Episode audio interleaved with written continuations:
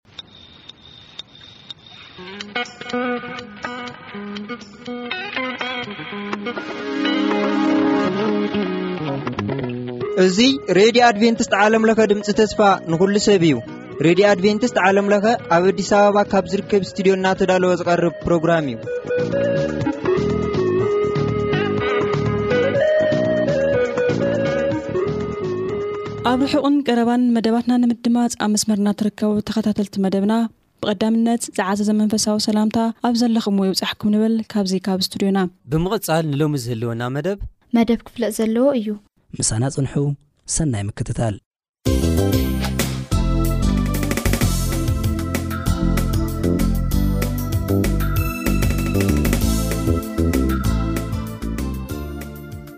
ሰላም ኣምላኽ ንዓኻትኩም ይኹን ክቡራት ኣሕዋትን ኣሓትን ካብ እግዚኣብሔር ኣቦናን ካብ እግዚኣብሔር ወልድን ካብ እግዚኣብሔር መንፈስ ቅዱስን ጸጋን ሰላምን ንዓኻትኩም ይኹን ሎሚ እንሪኦ ኣርእስቲ ውህደት ኣብ መንጎ ሕግን ወንጌልን ዝብል ኣርእስቲ ኢና ሕጂ ክንምሃር ብመሰረት መፅሓፍ ቅዱስ ነዚ ዝገልፀልና ከዓ እቲ ህያው መንፈስ ቅዱስ እሞ ሓቢርና ንጸሊ ቅዱስ እግዚኣብሔር ኣቦ ክብሪ ዕብየት ግርማ ንዓኻ ይኹን ስለዛ ሰዓት እዚኣ ስለዛ ግዜ እዚኣ ዝሃብካና ስለዛ ብሂወት ምንባርና ምእታውና ምውጻእና ኩሉ ሰናይ ዘበለ ካባኻ ይኾነልና ኣሎሞ ነመስግነካ ኣለና እግዚኣብሔር ኣቦ እቲ ንዓለም ምስጢር ኮይንዋ ዘሎ ቃላትካ ክትገልጸልናን ክተብርሃልና ብዛዕባ ሕግን ብዛዕባ ወንጌልን ዘሎ ውህደትን ስምምዕን ክሳዕ ክንዲ ምንታይ ኣገዳሲ ምዃኑን እግዚኣብሔር ንዓይኒ ኣሕዋተይን ክትገልጽ በዚ ሰዓት እዚ ንልምነካ ኣለና ብስም ወድካ የሱስ ክርስቶስ ኣሜን ክቡራት ኣሕዋት ኣብዚ ዘለናዮ ግዜ ብዛዕባ ሕጊ ብዙሕ ሰብ ኣፍልጦ የብሉን ብዛዕባ ወንጌል ከዓ ትርጉም ናይ ወንጌል ከዓ ከምቲ ዝግባእ ማእታን ከይፍለጥ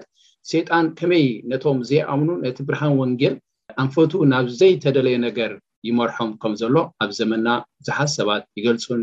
ይምህሩን እዮም ስለዚ ሕግን ወንጌልን ስምምዕ ኣለዎ ድዩ ሕጊ ወንጌል ይፃረር ዶ ዋላስ ስምምዕ ኣለዎ ንዝብል ኣርእስቲ ኢና ሕጂ ክንርኢ ማለት እዩ መጀመርያ እዛ ምድሪ እዚኣ ክትፍጠር ከላ ኣዳምን ህዋንን ምስ ተፈጠሩ ኣብ ኤደን ገነት ዝመፀ ወንጌል ዘይኮነ መጀመርያ እንታይ መፅዩ ሕጊ እቲ ሕጊ እቲ እግዚኣብሔር ዝሓጎጎ ኩሉ ሰናይን ፅቡቕን ንወዲ ሰብ ዘድልይ ዘበለ እዩ ዝሕግብ ማለት እሞ ካብዚኣ ምስ ትበልዕ ሞት ክትመውት ኢኻ ኢሉ ንኣዳም ከም ዝኣዘዞ ኣብ ዘፍጥረት ንርኢ ኢና ኣብ ምዕራፍ ክልተ ስለዚ እቲ ሕጊ እንታይ እዩ ትርጉሙ እንታይ እዩ ንዓይን ንዓኻትኩምን ጥቕሚ ኣለዎ ድዩ ንዝብል ሕቶ ቀጥታ ናብቲ ናይ ዘዳግም ምዕራፍ ሽዱሽተ ዒስራን ኣርባዕተን ከነንብብ ኢና ከምዚ ከኣ ይብል። ምሉእ ዕድሜና ምእንቲ ጽብቕ ክኾነልና ከምዚ ሎሚ ዘሎናዮኻ ብህይወት ከንብረና እግዚኣብሔር ነዚ ኩሉ ትእዛዛት ክንገብሮ ንእግዚኣብሔር ኣምላኽ ድማ ክንፈርሆ ኣዘዞና። ስለዚ ሕጊ ኣብ ህይወት ወዲ ሰብ ዓብዪ ታራ ኣለዎ፣ ጥቕሚ ኣለዎ። እንታይ እዩ ዝብል ዘሎ እቲ ቃል ኣምላኽ ማለት እዩ? ምሉእ ዕድሜና ጽቡቕ ምእንቲ ክኾነልና። እግዚኣብሔር ሕጊ ዝሃበና ንዓይ ንዓኻትኩምን ሙሉእ ዕድሜና ፅቡቕ ምእንቲ ክኾነልና ብሓጎስ ብደስታ ብሓርነት ማእታን ክንመላለስ ኢሉ እዩ እግዚኣብሔር እዚ ሕጊ ናይ ህይወት ንዓይ ንዓኻትኩምን ዝሃበና ማለት እዩ ንዑ ማእታን ክንፈርሆ ፅቡቕ ማእታን ክኾነልና ብደስታ ማእታን ክንመላለስ እዚ ሕጊ እዚ ንወዲ ሰብ ሂብዎ ማለት ካብኡ ቀፂሉ ኣብ መዝሙር ዳዊት ሚእትን ዓሰርተ ትሽዓተን ሶሊ ኣርባዓን ሸውዓተን እንተ ከይድና ኸዓ ብዛዕባ ጥቕምታት ናይ ሕጊ ኣብ ወዲ ሰብ ኣብኡ ኣብርሂልና ኣሎ ብፍላይ ሚእትን ዓሰርተ ትሽዓተን መብዛሕቱ ብዛዕባ ሕጊ ናይ እግዚኣብሄር እዩ ዝዛረብ ፍቕዲ ኣርባዓን ሸውዓተን ከዓ ከምዚ ይብል በቲ ዘፍቅሮ ትእዛዛትካ እውን ባህ ክብል እየ ኣእዳወይ ድማ ናብቲ ዘፍቅሮ ትእዛዛትካ ከልዕል ስርዓታትካ ከዓ ከስተንትን ስለዚ ዳዊት እንታይ ይብሎ ኣሎ ነቲ ትእዛዛትካ ሰፍቅሮ እየ እፈትዎ እየ ዝብል ዘሎ በቲ ዘፍቅሮ ትእዛዛትካ ባህ ክብል እየ በቲ ዘፍቅሮ ትእዛዛትካስ ደስ ክብለኒ እዩ ሓደ ፅቡቅ ነገር እንተዘይህልዎ ነይሩ ሕጊ እግዚኣብሄር ፅቡቅ ነገር እንተዘይህልዎ ነይሩ ዳዊት ባህ ክብለኒ እዩ ኣይምበለኒ ኣይመፍቀሮን ከዓ ንሓደ ነገር ተፍቅሮ ፅቡቅ ነገር ተሃልይዎ እዩ ንዓኻ ዝጠቅም እንተ ኮይኑ ማለት እዩ ንዓኻ ዝረብሕ እንተ ኮይኑ ነቲ ነገርቲ ተፍቅሮ ትፈትዎ ማለት እዩ እንተ ኣንፃርካ ዝለዓል እንተ ኮይኑ ሕማቅ እንተ ኮይኑ ከተፍቅሮ ኣይትግደን ኒኻ ስለዚ ዳዊት በቲ ዘፍቅሮ ትእዛዛት እግዚኣብሔር ባህ ክብል እየ ብምባል ይገልፀልና ቀፂሉ ከዓ ስለምንታይ ይፈትይዎ ሕጊ እግዚኣብሔር ንምንታይ ይፈትይዎ እንተ ኢልና እንታይ ፅቡቅ ነገር ስለ ዘለዎ እንተ ኢልና መልሹ ከኣ ኣብ ፍቕዲ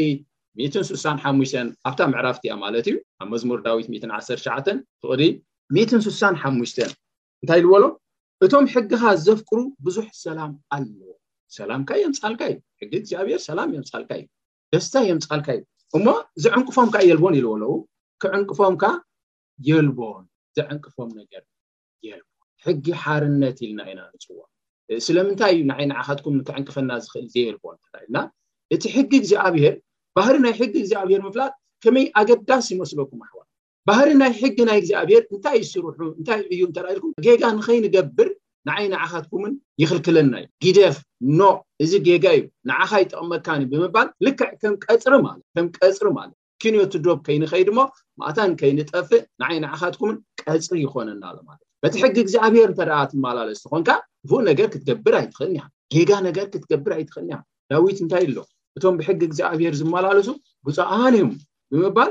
ኣብ መዝሙር ዳዊት ሚትን ዓሰር ሸዓተን ፍቕዲ ሓደን ክልተን ክሳብ ሰለስተ ዘሎ እንታይ ይብለና ከነንብቦ ኢና ብመንገዶም ፍጹማት ዝኾኑ ብሕጊ እግዚኣብሔር ዝመላለሱ ብፁዓን እዮም፣ ምስክራቱ ዝሕልዉ ብምሉእ ልቢ ዝደልይዎ ብፁዓን እዮም፣ እከይ ኣይገብሩን ብመንገድታቱ ኸኣ ይመላለሱ። እቶም ብሕጊ እግዚኣብሔር ዝመላለሱ እከይ ኣይገብሩን እዮም። ስለምንታይ እከይ ዘይገብሩ መሲልኩም? ንሱ ይኽልክሎም እዩ እከይ ንኸይገብሩ ማለት እዩ። ጌጋ ንኸይገብሩ ልክዕ ከም ቀጽሪ ማለት እዩ። ልክዕ ከም ሓጹር ናብቲ ክፉእ ነገር ንኸይትኸይድ። ስለዚ ኣይትስረቕ ጌጋ እያ፣ ኣይትዘሙ ድብል እንዳበለ ምዝማው ጌጋ እዩ፣ ምስራቅ ጌጋ እዩ፣ ምሕሳው ጌጋ እዩ እንዳበለ ስለ ዝኽልክለካ ቀጽሪ ስለ ዝኾነልካ እከይ ነገር ክትገብር ኣይኮነልካን። ደሓር ሃዋርያ ጳውሎስ ኣብ ሮሜ ምዕራፍ ሸውዓተ ብዛዕባ ሕጊ እግዚኣብሔር ክዛረብ እቲ ሕጊ ሰናይ ኢልዎ ኣሎ፣ እቲ ሕጊ ቅዱስ ኢልዎ ኣሎ፣ እቲ ሕጊ ጻድቅ ኢልዎ ኣሎ፣ እሞ እቲ ሰናይ ድዩ ንዓይ ሓጢያ ዝኾነን ደሎ ያእ ኣይፋሉን ሕጊ እግዚኣብሔር መጻርርቲ ወዲ ሰብ ኣይኮነን። ሕጊ እግዚኣብሔር ዝቃወመናን ዝበኣሰናን ሕጊ ኣይኮነን። ብዙሓት ሰባት ኣብዚ ዘለናዮ እዋን እቲ ሕጊ ሙሴን ሕጊ ናይ እግዚኣብሔር በጻብዕቲ እግዚኣብሔር ዝተጻሓፈ ኣብ ከረን ሲና በጻብዕቲ እግዚኣብሔር ዝተጻሓፈ እሱ ሞራላዊ ሕጊ ይበሃል ናይ ሕልና ሕጊ እዩ ኣብ ኣእምሮይን ኣእምሮኹምን ዝተጻሓፈ ዘልኣለማዊ ሕጊ እዩ፣ ንሱ ኣይፈርስን እዩ። እቲ ሕጊ ሙሴ ዝበሃል ኣብ ብራና ዝተጻሕፈ፣ ብኢድ ሙሴ ዝተጻሕፈ፣ ንዕኡ ግን ኣብ ቆሎሴ እንተ ደኣ ኴንና እቲ ብኢድ ሰብ እተጻሕፈ ዝቃወመናን ዝበኣሰናን ዝነበረ ዕዳ ካብ ማእከልና ብመስቀል ጎይታናን መድሓኒና የሱስ ክርስቶስ ከም ዘርሓቖ ኣብ ቆሎሴ ክልተ ዓሰርተ ኣርባዕተ ኴንና ክንሪኦ ንኽእል ኢና ማለት ብዛዕባኡ ኣይኮንኩን ኣነ ዝዛረብ ዘሎ ብዛዕባ ሕጊ ሙሴ ኣይኮንኩን ዝዛረብ ዘሎ ብዛዕባ እቲ ኣብ ብራና ዝተፃሓፈ ሕጊ ኣይኮንኩን ዝዛረብ ዘሎ እንታይ ደኣ ብዛዕባ እተን ኣብ ፅላት እምኒ ዝተፃሓፋ ዓሰርተ ትእዛዛት እሰን ምስ ወንጌል ፍፁም ዝኾነ ውህደት ስምምዕ ከም ዘለዎ ንሱ ሕጊ ህይወት እዩ ናይ ህይወት መምርሒ ማለት እዩ ብዘይቲ ሕጊ ህይወት እንታይ ትኸውን ተዳተልኩም ትጠፍእ ትጠፍእ ሰላም ክትረክብ ኣይትኽእልንያ ሓጎስ ክትረክብ ኣይትኽእልንያ ማለት ካልእ ቀፂልና ኣብ ወንጌል ዮሃንስ 1415 ከይድና እንተ ኣንቢብና ኸ እተፍቅሩ እንተኾንኩም ሲ ትእዛዛተይ ሓልው ዝብል ኣሎ ስለዚ ናይ ፍቕሪ መግለፂ እንታይ እንተ ኢልኩም ትእዛዛት ናይ እግዚኣብሔር ስለዚ ኣብተን ዓሰርተ ትእዛዛት ብሙሉአን እንታይ ይገልፃ እንተ ኢልና ፍቕሪ ናይ እግዚኣብሔር እዩ ፍቕሪ ንኣምላኽ ፍቕሪ ከዓ ንሰብ እሞ ኣብቲ ፅላት እምኒ ፍቕሪ እዩ ተፃሒፍ ነይሩ ኣብ ቀዳማይ ዮሃንስ ምዕራፍ ሓሙሽተ ፍቕዲ ሰለስተ ከኣ ብዛዕባ ሕጊ እግዚኣብሔር ኣብኡ ክገልጽ ከሎ ሓደ ሰብ ኣነ ንኣምላኽ የፍቅሮ እንተ ኢሉ ትእዛዛቱ እንተ ዘይሕሉ እንተ ኮይኑ ሓሶት እዩ ሓሶት እዩ መግለጺ ናይ ፍቕሪ ትእዛዛት ኣምላኽ እተፍቅሩኒ እንተኾንኩም ትእዛዛተይ ሓሉ ቀደም ዮሃንስ ሓሙሽተ ፍቅዲ ሰለስተ ከ እንታይ ፍቅሪ ንኣምላኽ ከዓ ትእዛዛቱ ክንሕሉ እሞ ትእዛዛቱ እውን ኣይከቢድን እዩ ጾር ኣይኮነን ሕጊ እግዚኣብሔር ንኣይ ንዓኻትኩምን ጾር ኣይኮነን ዝኾነና በንጻሩ ከማን ሓርነት እዩ ዝበል ሕጊ ሓርነት ብምባል ኣብ ያዕቆብ ገሊጽዎ ኣሎ ናፅነት ሓርነት እፎይታ ዕረፍቲ ሰላም ባህታ እዩ ኣብ ውሽጥና ዝፈጥረልና ማለት እዩ እሱ እቲ ባህሪ ናይቲ ሕጊ ናይ እግዚኣብሔር ማለት ኣብ ሮሜ ሸሞንተ ሸውዓተ ከዓ ጳውሎስ ናብ ሰብ ሮሜ ነቲ ሕግን ወንጌልን ጭቡእ ገይሩ እዩ ኣብኡ ዝገልፀልና ማለት እዩ ሸሞንተ ፍቅዲ ሸውዓተ እንታይ ይብል እቲ ሓሳብ ስጋ ምስ ኣምላኽ ፅሊ ምዃኑ ነቲ ሕጊ ኣምላኽ ኣይግዞን ኣይኮነሉን ድማ እዩ እሞ ስለዚ እቲ ሓሳብ ስጋ ሞት እዩ እቲ ሓሳብ መንፈስ ግና ህይወትን ሰላምን እዩ ማለት እቲ ሓሳብ ስጋ ምስ ኣምላኽ ጽልኢ ብምዃኑ ነቲ ሕጊ ኣምላኽ ኣይግዝኦን እዩ ንሕጊ ኣምላኽ እንድሕር ዘይትግዛእ እንተ ኮንካ ምስ ኣምላኽ ምጽላእ ማለት እዩ ንሕጊ እግዚኣብሄር ክትግዛእ እንተ ፈቲንካ ኸ ንእግዚኣብሄር ምፍቃር ማለት እዩ እቶም ብሕጊ እቶም ብስጋ ዘለዉ ነቲ ሕጊ እግዚኣብሄር ኣምላኽ ኣይግዝእዎን እዮም ንሕጊ እግዚኣብሄር ካብ ዘይተገዝእዎ ኸ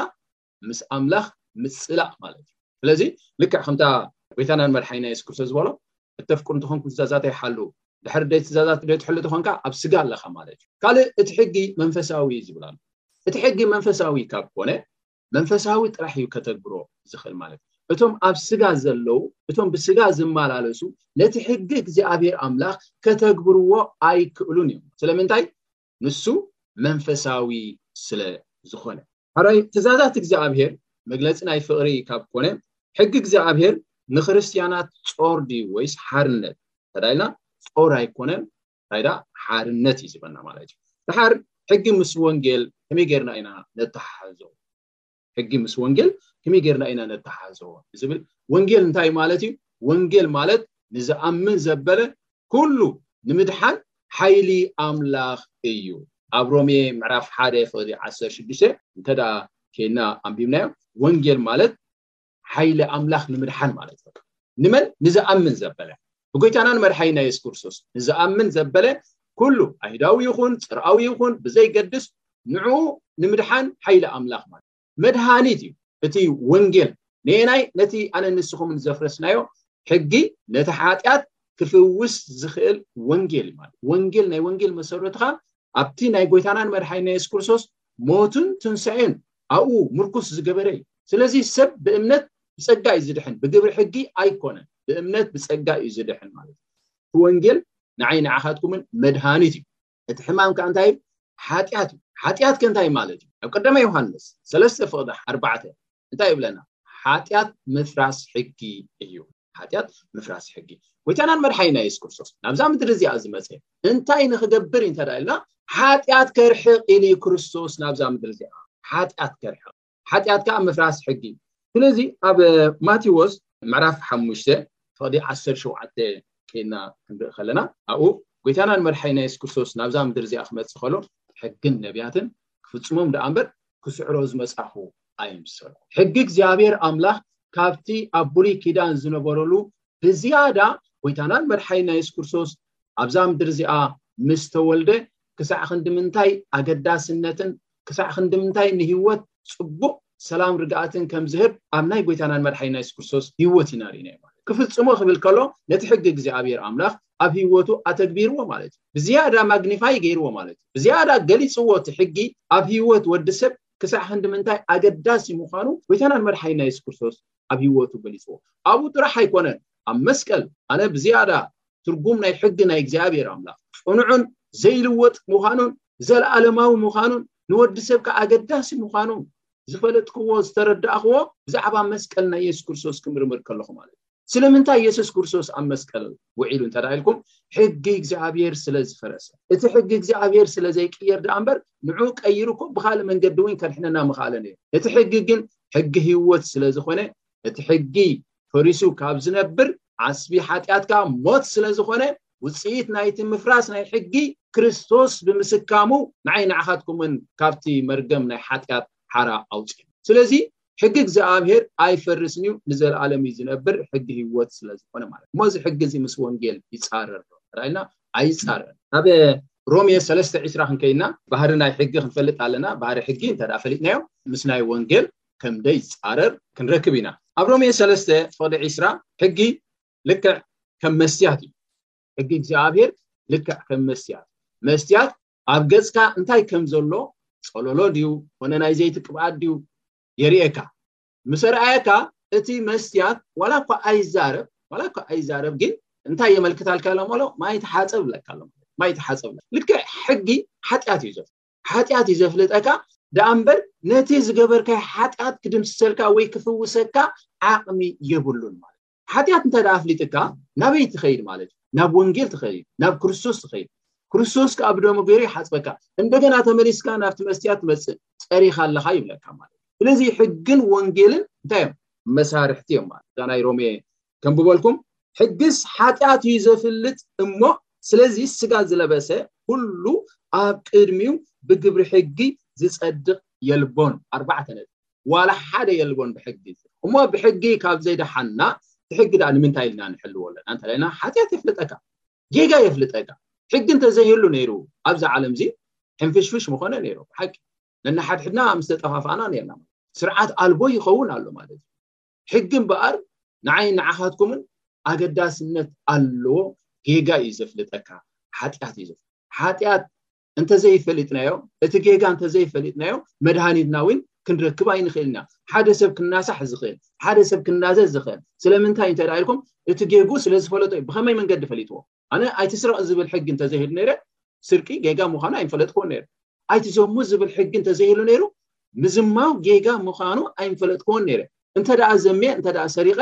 ክናሳሕ ይኽእል ከመይ እቲ ሕጊ ኣይትስረቕ ኣይትዘሙ ስለ ዝበለኒ ስለ ዝፈጸምክዎ ነቲ ጌጋ ንክናሳሕ ዕድል ይረክብ ኣለኹ ማለት እዩ ስለዚ ሕግን ወንጌልን ልክዕ ከም ምንታይ እንተ ኢልኩም ከም ላባራቶርን መድሃኒትን መጀመርያ ላባራቶሪ ትገብር ኣብ ሆስፒታል ክትከይድ ከለኻ ሓሚምካ ኣለኻ እቲ ሕማምካ ክፍለጥ ኣሎ ሕማምካ እንተዘይተፈሊጡ መድሃኒት እውን ኣይትረክብን ኢኻ ሆስፒታል ትኸይድ መጀመርያ ላባራቶሪ ትገብር ተቐዳዲሞ መድሃኒት ኣይኮነ ዝኮ ምክንያቱ እንታይ ዓይነት ሕማም ኣለካ ላባራቶሪ ትገብር ላባራቶሪ ምስ ገበርካ እቲ ናትካ ሕማም ዓሶ ክኸውን ይኽእል ሕማም ርእሲ ክኸውን ይኽእል ክሮና ክኸውን ይኽእል ካልእ ካልእ ክኾን ይኽእል እቲ ሕማምካ ምስ ተፈለጠ ብድሕሪኡ ናብቲ መድሃኒት ትኸይድ ማለት ናብ ፋርማሲ ትኸይድ ፋርማሲ ኸይድካ ኸዓ ወረቐት ትቦም መድሃኒት ይብኻ ትሓዊ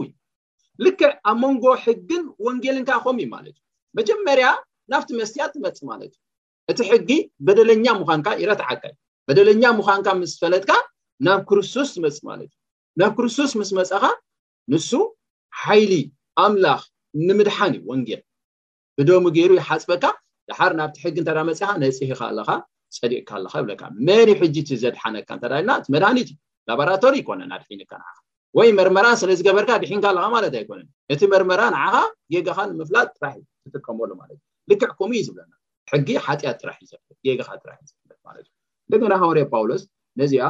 ኣበይ ደጊሙ ኣሎ መሲልኩም ኣብ ሮሜ ምዕራፍ ሸውዓተ ኣብኡ ደጊሙ ኣሎ ፍቅዲ ሸውዓተ እንታይ ደኣ ክንብል ሮሜ ሸውዓተ ፍቅዲ ሸውዓተ እንታይ ደኣ ክንብል ኢና እቲ ሕጊ ዶ ሓጢኣት እዩ? ያእ ኣይፋሉን፣ ሕጊ ሓጢኣት ኣይኮነን፣ ሕጊ መጻርርትና ኣይኮነን። ያእ ኣይፋሉን፣ ብዘይ ሕጊ ግና ንሓጢኣት ኣይምፈለጥክዎን ነይረ፣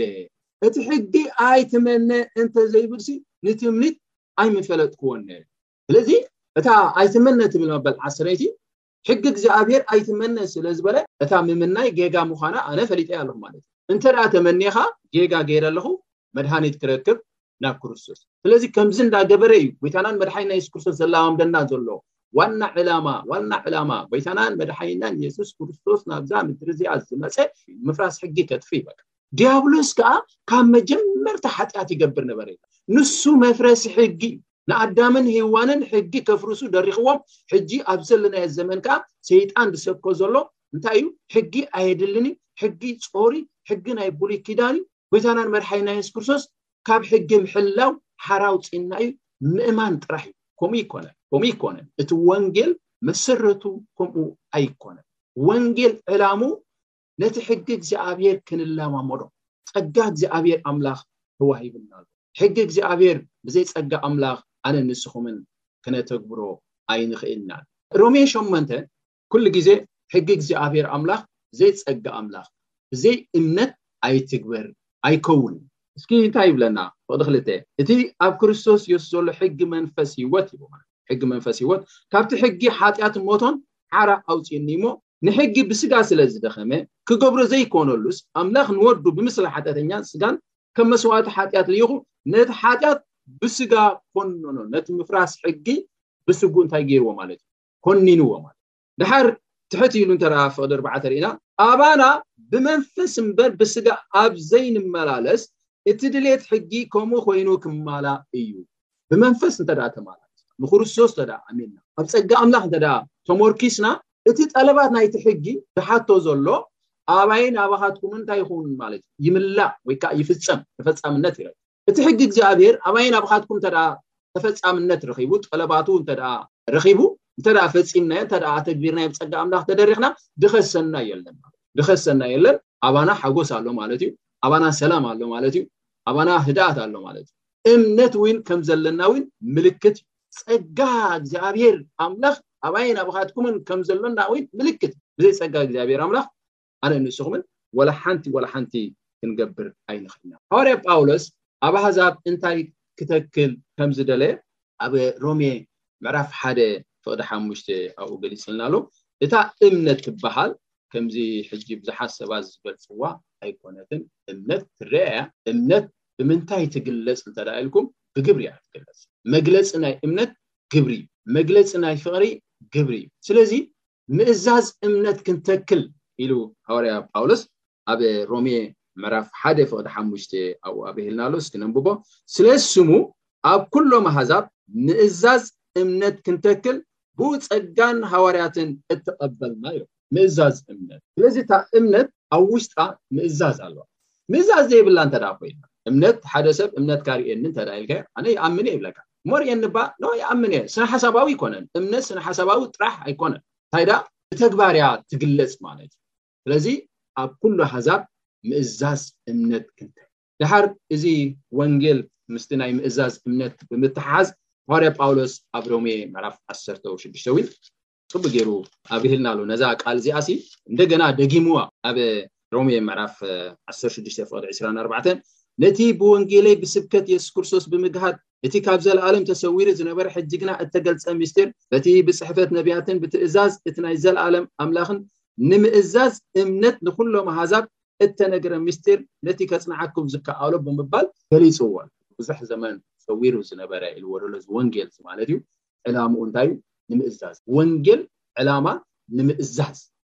ክርስቶስ እዩ። ንምእዛዝ ክርስቶስ እዩ። ንምእዛዝ እምነት እዩ። ደሓር ያዕቆብ እውን ገሊጹ ደጊምዎ ኣሎ። እምነት ብዘይ ግብሪ እንታይ ኢልዎ ኣሎ?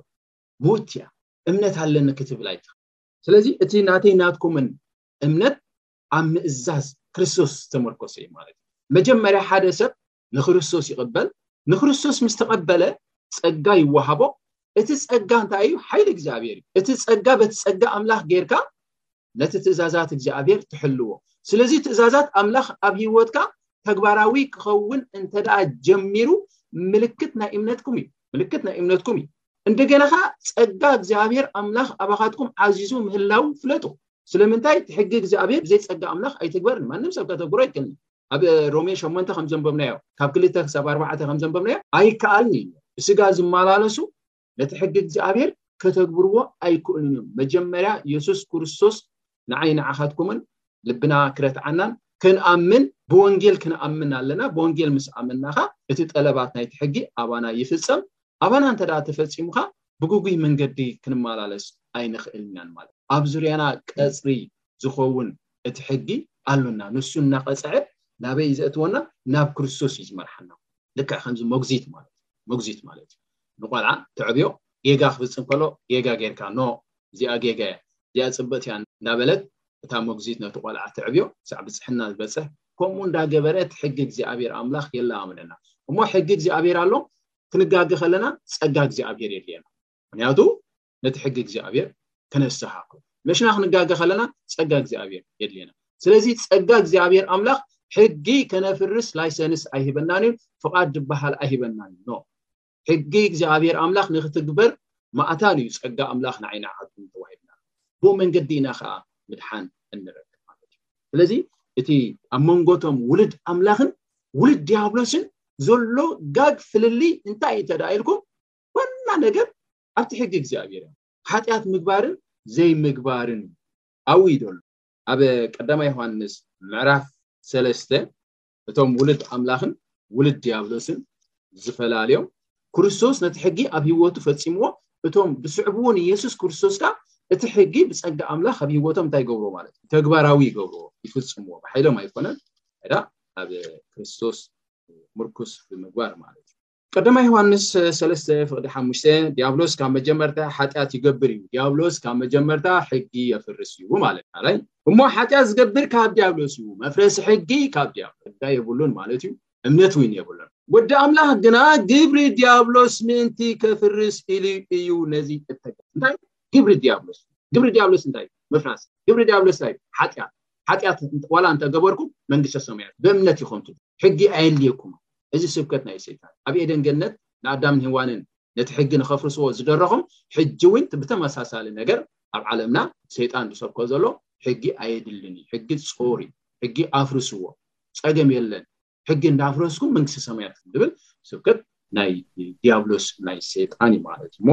ስለዚ ክርስቶስ እምበኣር ግብሪ ዲያብሎስ ምእንቲ ከፍርስ ኢሉ ከም ዝመጸ ካብ ኣምላኽ እተወልደ ዘበለ ዘሩ ኣብኡ ይነብር እሞ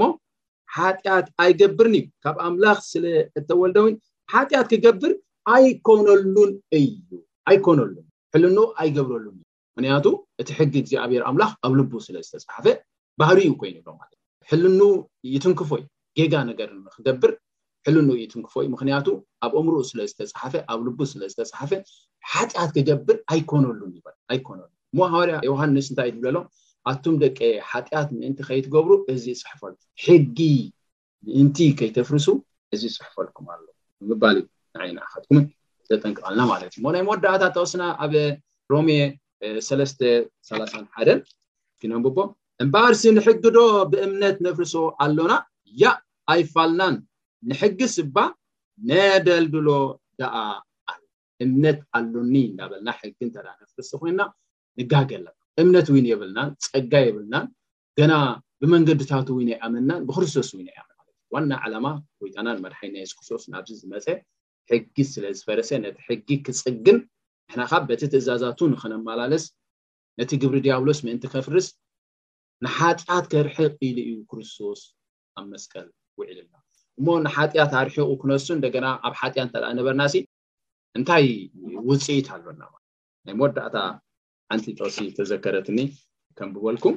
ኣብ ገላትያ ገላትያ ሲ ብእምነት ካብ ደሓና ኢሉ ማለት እዩ እሞ ሓጢኣት ዶ ንግበር እዩ ገላትያ ምዕራፍ ክልተ ፍቕዲ ፍቕዲ ዓሰርተ ሽዱሽተ ሰብ ብእምነት ብኢየሱስ ክርስቶስ እምበር ብግብሪ ሕጊ ከምዘይፀድቅ ካብ ፈለጥና የስ ሰብ ብእምነት እዩ ዝድሕን እምበር ብግብሪ ሕጊ ኣይኮነን ድሓር ግናኸ ኩሉ ስጋ ብግብሪ ሕጊ ዘይጸድቕ ስለ ዝኾነ ንሕና ኸኣ ብግብሪ ሕጊ ዘይኮነስ ብእምነት ብክርስቶስ ምእንቲ ክንጸድቕ ብክርስቶስ የሱስ ኣመና ይብል ሶድ ዓሰርተ ሸውዓተ ግናኸ ንሕና ብክርስቶስ ክንጸድቕ እናደለና ንርእስና ሓጥኣን ኮይና ካብ ተረኽብና እምበኣርሲ ክርስቶስ ዶ ኣገልጋሊ ሓጢኣት እዩ ያ ኣይፋሉን ክርስቶስ ኣገልጋሊ ክርስቶስ ኣገልጋሊ ጽድቂ ሕጂ ብእምነት ድሒና ኣለና እናበልና ሲ ሓጢኣት እንተ ንገብር እንተ ኮይና እንታይ እዩ ትርጉሙ ዳ ክርስትያን ምዃንካ እንታይ እዩ ተሓፂብካ ናብ ጭቃ ማለት ተሓፂብካ ፀሪኻ ብፀጋ ኣምላኽ ብደም የሱስ ክርስቶስ እንደገና ናብቲ ዝነበርካዮ ዕያግ ጭቃ ናብኡ እንተ ተባላሽኻ ሲ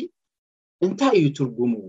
ግናኸ ንሕና ብክርስቶስ ክንጸድቕ እናደለና ንርእስና ሓጢኣን ኮይና ካብ ተረኸብና እምበኣርሲ ክርስቶስ ዶ ኣገልጋሊ ሓጢኣት እዩ ያ ኣይፋሉን ወደ 18 ዓ ነቲ ዘፍረስክዎ ከም ብሓድሽ እንተነደ ነቲ ዘፍረስክዎ ሲ ከም ብሓድሽ እንተነደእክዎ ኣበሰኛ ምዃነይ ርኢ ኣለ ብኸመይ ፈሊጥዎ እቲ ሕጊ ኣበሰኛ ምዃኑ ይኸሶ ኣሎ ማለት ስለዚ ኣነ ኣብ ዓለማዊ ከለኹ ይሕሱ ነይረ ይሰርቕ ነይረ ይዝሙ ነይረ እዚ